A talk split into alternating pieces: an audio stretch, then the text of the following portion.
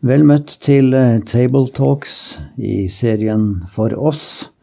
Og vi er kommet til 1. januar, første nyttårsdag, eh, som også kalles Jesu navnedag. Og vi skal snakke sammen en eh, gruppe rundt bordet her.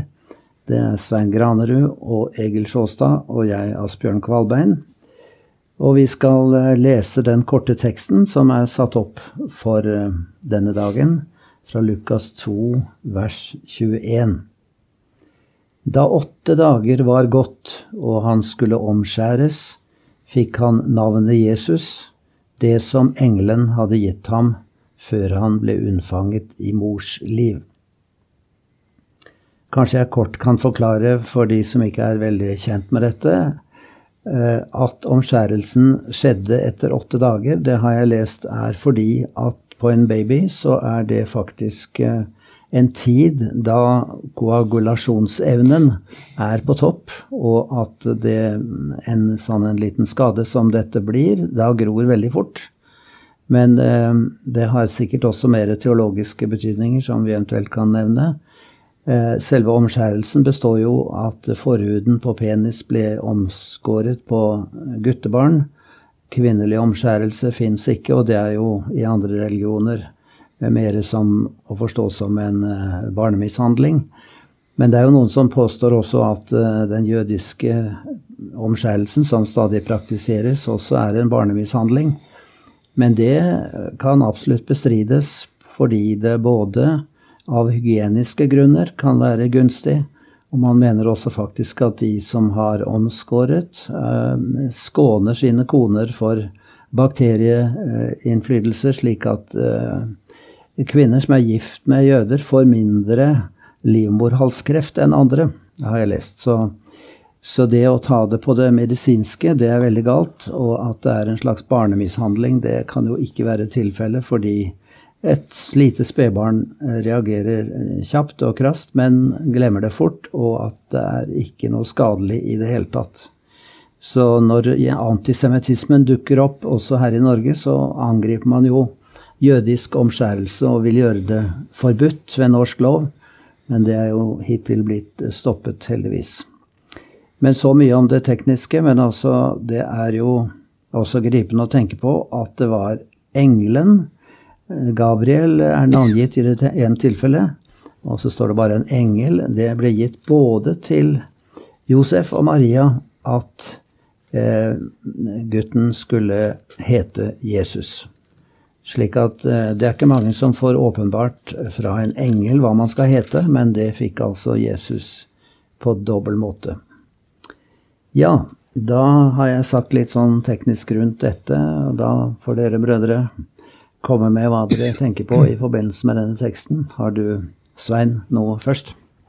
Jeg kan i hvert fall bekrefte det du sier om de medisinske aspektene, for det har jeg også lest. Og det er jo seriøs forskning, det, både i forhold til samliv og uh, smitteoverføring. Også, også mannlig hygiene og helse kan ha nytte av det. Skal ikke det være et avgjørende argument, men det er iallfall uh, eh, noe som man kan ta med seg i tider hvor ting ofte tas litt overfladisk og lettvint. Så det er nå så. Men Jesus blir omskåret, og det betyr jo at han eh, også på det punktet går inn som en av alle de andre i sitt folk. Han uh, går ikke utenom og får en egen kongevei. Han uh, kommer ned og blir som en av oss.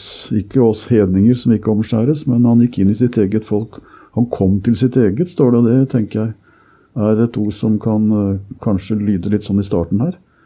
At han, han, gjorde det. Han kom til det folket som Gud hadde utvalgt gjennom hele den gamle pakt til å være det folk som fra Abraham av skulle bli det folket som skulle brede grunn for en Messias som skulle velsigne folkeslagene. Og nå er han her. Og da kommer han og blir en av oss og en av dem. Og blir omskåret akkurat som andre jødiske guttebarn. Så, så det kan jo kanskje være starten på det. Han kommer, og så blir han som oss også. Dette er et uttrykk for det. og det når vi nå skal tale sikkert mye om Jesus og navn og alt han skal gjøre, så, så er vi jo der. Vi har feiret jul, og da kommer han og blir som en av oss. Født av en kvinne, født under loven, sier Paulus. Mm. For å kjøpe dem fri som var under loven, og for å gi oss barnerett. Så han kom og ble en jøde. Og ble omskåret som jøde. Og kom inn under den loven som Det gamle testamentet hadde for israelsfolket. Og samtidig kjøper han dem fri som var under loven, sånn at seremoniloven i Det gamle testamentet ikke lenger er en nødvendighet for oss. Og han kjøper oss fri også ifra våre synder mot loven. da. Det er store ting det dreier seg om det her. Ja, Det er veldig fristende å begynne å vandre i Det gamle testamentet og frelseshistoriens mange etapper her, for det, det innbyr jo til det. Denne teksten er jo rekordkort ja. i forhold til preketekstenes vanlige lengde. Men den drar oss inn i en frelseshistorie hvor det er veldig mange ting som, som en fristes til å ta med. Så hvis vi tenker litt på dem som skal på prekestolen denne søndagen, så må vi vel, eller første nyttårsdag, så må vi vel hjelpe til å holde fokus på hovedsaken. Men det er ikke så dumt å kanskje gi folk noen kunnskapsbiter, sånn som du gjorde mm. først, Asbjørn. Det er ikke alle som har fått anledning til å få med seg disse basiskunnskapene. så så lenge vi ikke overdimensjonerer det, så tror jeg det er lurt å gi litt, eh, litt sånn peiling på det som er den historiske bakgrunnen her. Det, det, gjør det bare så enda større å se at han kom. Ja, og Dessuten er jo omskjærelsen en veldig stor problematikk i Det nye testamentet. da. Det er jo det. Slik at vi skal jo ikke praktisere det, i hvert fall som, ikke som et bud. Eh, og det er jo Paulus veldig sterk på, ikke minst i Kalaterbrevet. Da blir det en lovgjerning. Men uh, det er ikke noe å advare mot, for så vidt. Og mange kristne, også i USA f.eks., praktiserer det veldig utbredt. Og i Afrika har jeg hørt. ja. Det er et paktstegn i Det gamle testamentet, da. Ja. At de tilhører gudsfolket. Ja. Og så får vi i Kolossebrevet dåpen inn som uh, motsvarer paktstegnet omskjærelse. Ja. Uh, det er også et sier ved dette, da, selv om det ikke er noe hovedsak i dagens lille tekst. Nei, og tar vi et lite sidesprang der til vår tid, som er så opptatt av eh, fri sex og alt mulig, så, så, kan man jo av og til snakke om at Gud har utstyrt oss fra skapelsen av til å være med å reprodusere slekten. Altså med, på hver vår måte som kvinner og menn. Så det er noen hellige ting han har gitt oss, som skal forvaltes. Den reproduksjonsevnen. Derfor hadde man i gammel tid veldig respekt for kjønnsorganene, og det er jo kanskje et tegn også det at, eh, at de er omgitt av hårbedekning, så de skal på en måte skjules litt. Fordi de er hellige, de skal brukes på en hellig måte. Eh, og det er jo en veldig kontrast til den eh, fri sex-tankegangen som er inne i bildet i dag. Disse renhetsforskriftene som vi kan gå oss nesten vill i Det gamle testamentet, de har sin funksjon, de også.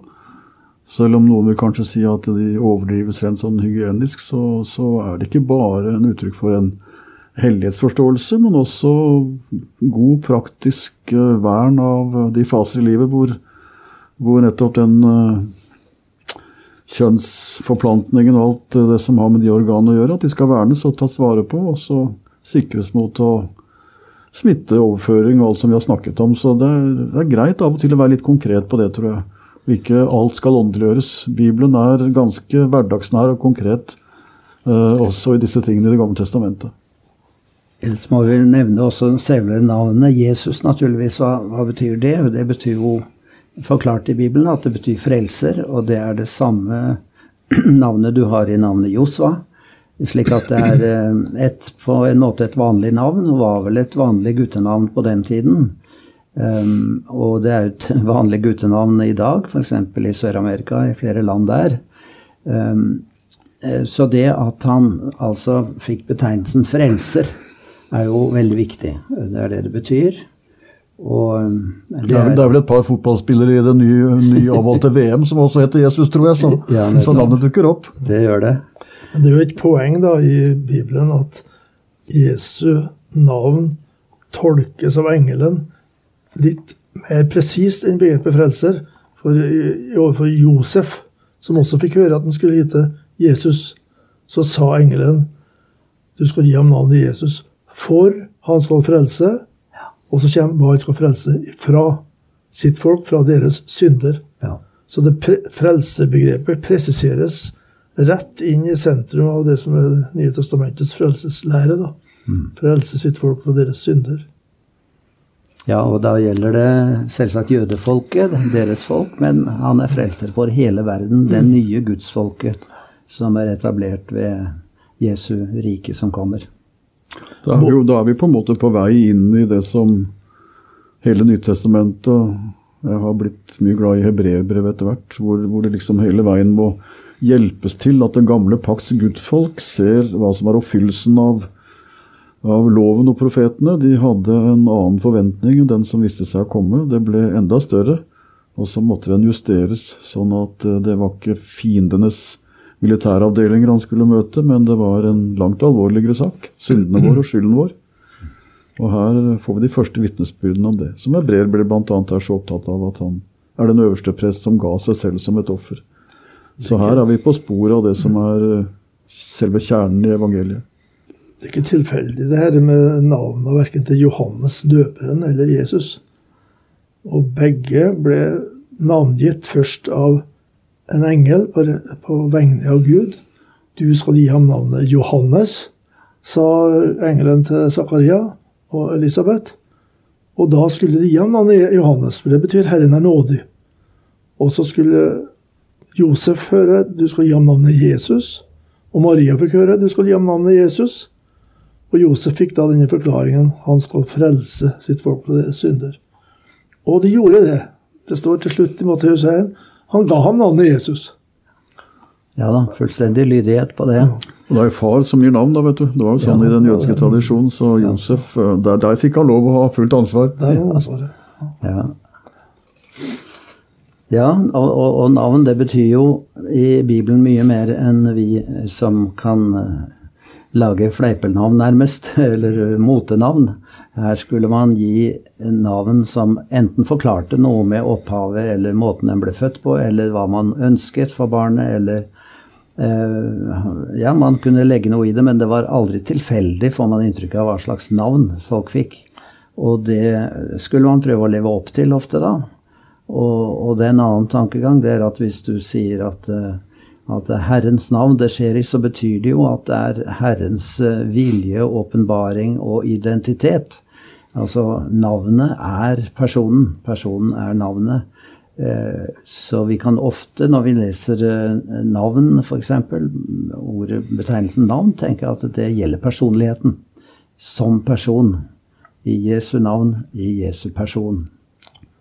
Josef må har undret seg, vil jeg tro. Kanskje det er sunt å, å, og jakte litt på hvordan han må ha tenkt at dette barnet som var litt sånn i grenseland også i forhold til ordninger og alt, vet du. Og så, så får han altså høre at dette barnet som Maria bærer på, som ikke er den fysiske far til, skal frelse folket fra deres synder. Jeg lurer på hva denne tømmermannen fra Galilea har gått og tenkt Ja. om denne vesle gutten som skulle fødes der oppe under så små kår. Er det han som skal gjøre det? Eh, Det er ikke dumt å undre seg litt, dele undringen. Jeg er så enig i Det, det. blir så mye mye større for, for oss som er dette selvsagt. Men hvilken undring må det ikke ha vært for f.eks. Josef og Maria? Det måtte jo være det for Maria òg, for den, det budskapet fra engelen Gabriel til Maria.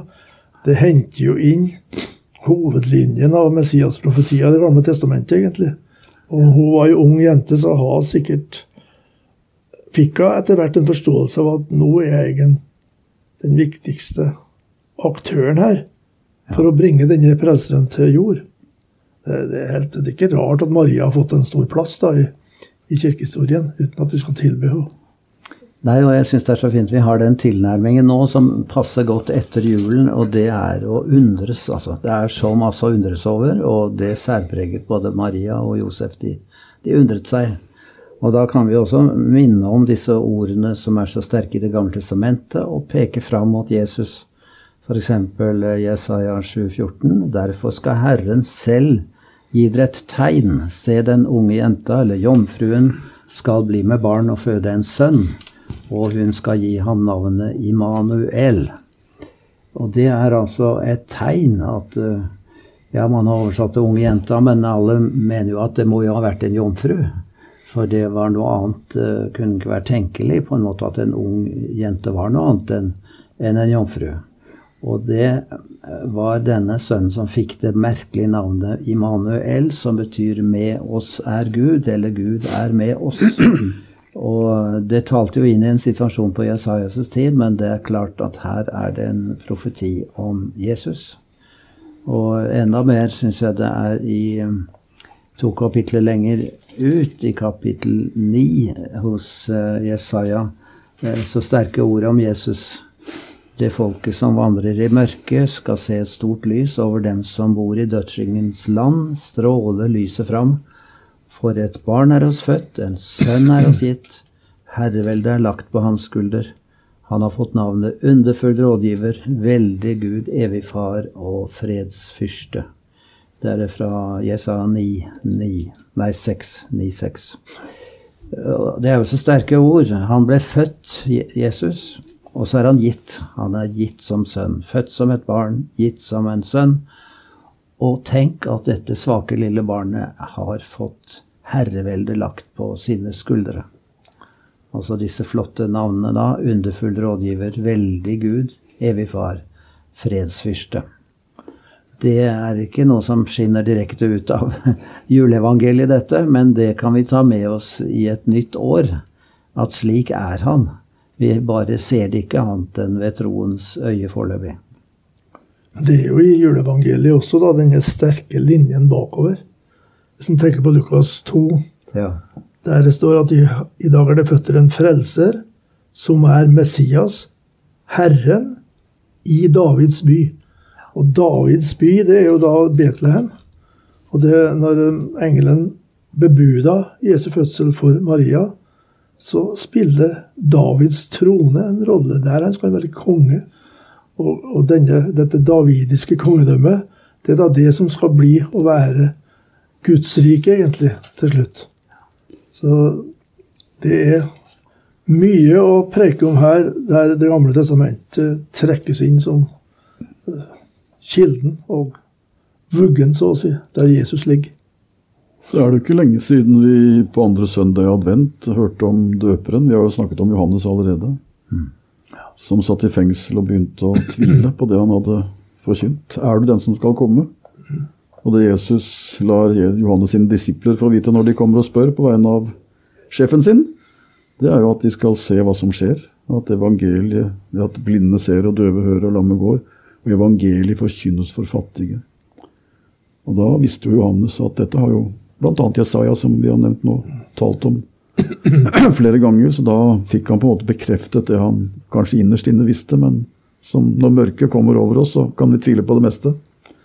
Og da, da er det jo Jesaja 29 og 35 også, i tillegg til det dere nevnt, som viser at uh, Messias-forventningene hadde ikke bare hva skal vi si, det makt fokuserte med seg i, i verdslig mening, men uh, han har kommet for å sette fri. Evangeliet skal forkynnes for fattige. Og da aner Johannes at han som sa 'Dette er Guds lam som bærer verdens synd', det var riktig det jeg sa. Tror jeg han tenkte. Ja. Jeg tenkte ellers på dette med Jesu navn. Det er jo et, eh, et navn som mange tar anstøt av. Du kan snakke mye om religion og uh, kristendom og diskutere teologi. Men å begynne å snakke om Jesus til folk, da er det som folk blir litt rykker til. Det er anstøt i det, og det er det ikke minst også blant jøder i dag. Og et annet navn som jo er brukt om Gud, det er jo Javé, Jehova, som jo jødene ikke kunne uttale, men som vi med glede tenker på som Herren, er det jo oversatt som regel.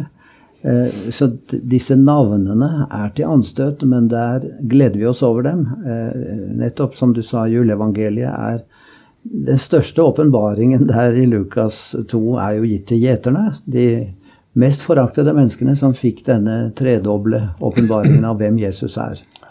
Og da fikk de navnene og betegnelsene.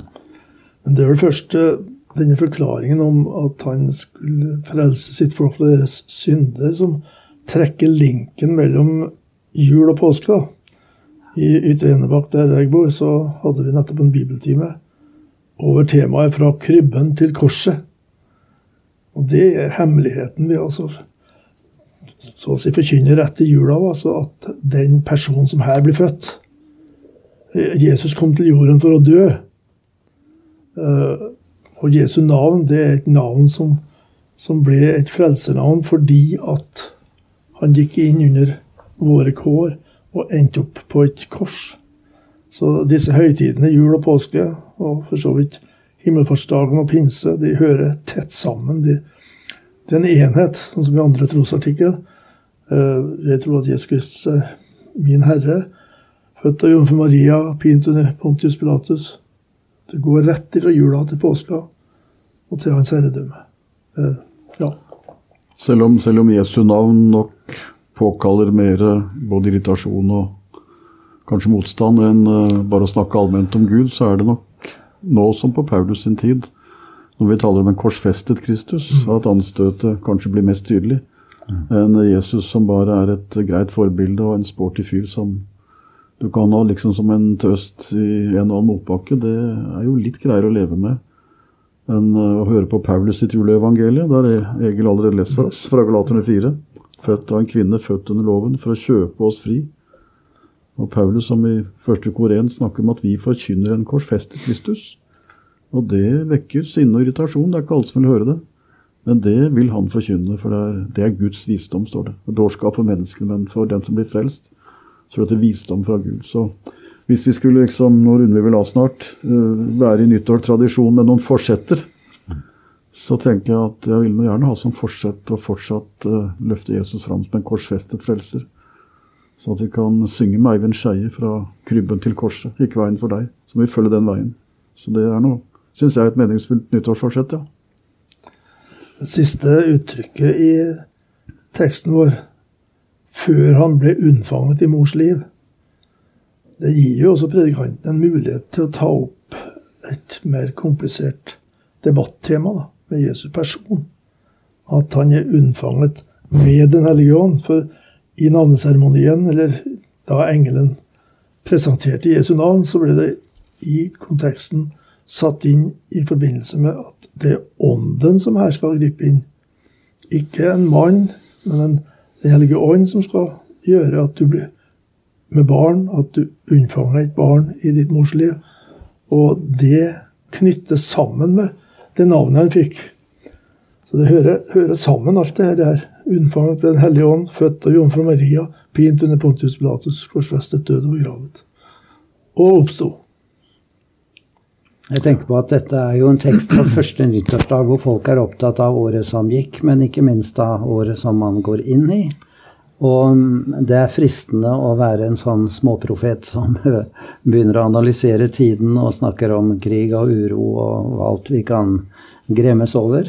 Men vår største oppgave er jo rett og slett å snakke om Jesus, og snakke om han som frelser, og den som vil følge oss på veien. Og det finnes jo tusener av, holdt jeg på å si, i hvert fall hundrevis av gode trøsteord eh, for oss når vi kanskje er engstelige foran en framtid som er utrygg.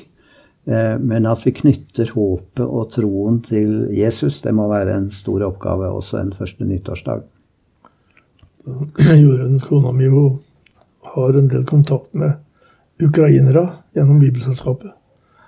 Og det de kan fortelle om det sterke håpet som er knytta til Jesus og til Bibelen, der i de aller tøffeste krigssituasjoner. Så det er ikke irrelevant å forkynne Kristus som frelser fra våre synder, også inn i en verden der krig og, og nød og fattigdom er eh, hovedtema. Da. Fordi at han, han, gir oss håp, altså. Framtid og håp tvers gjennom død og grav.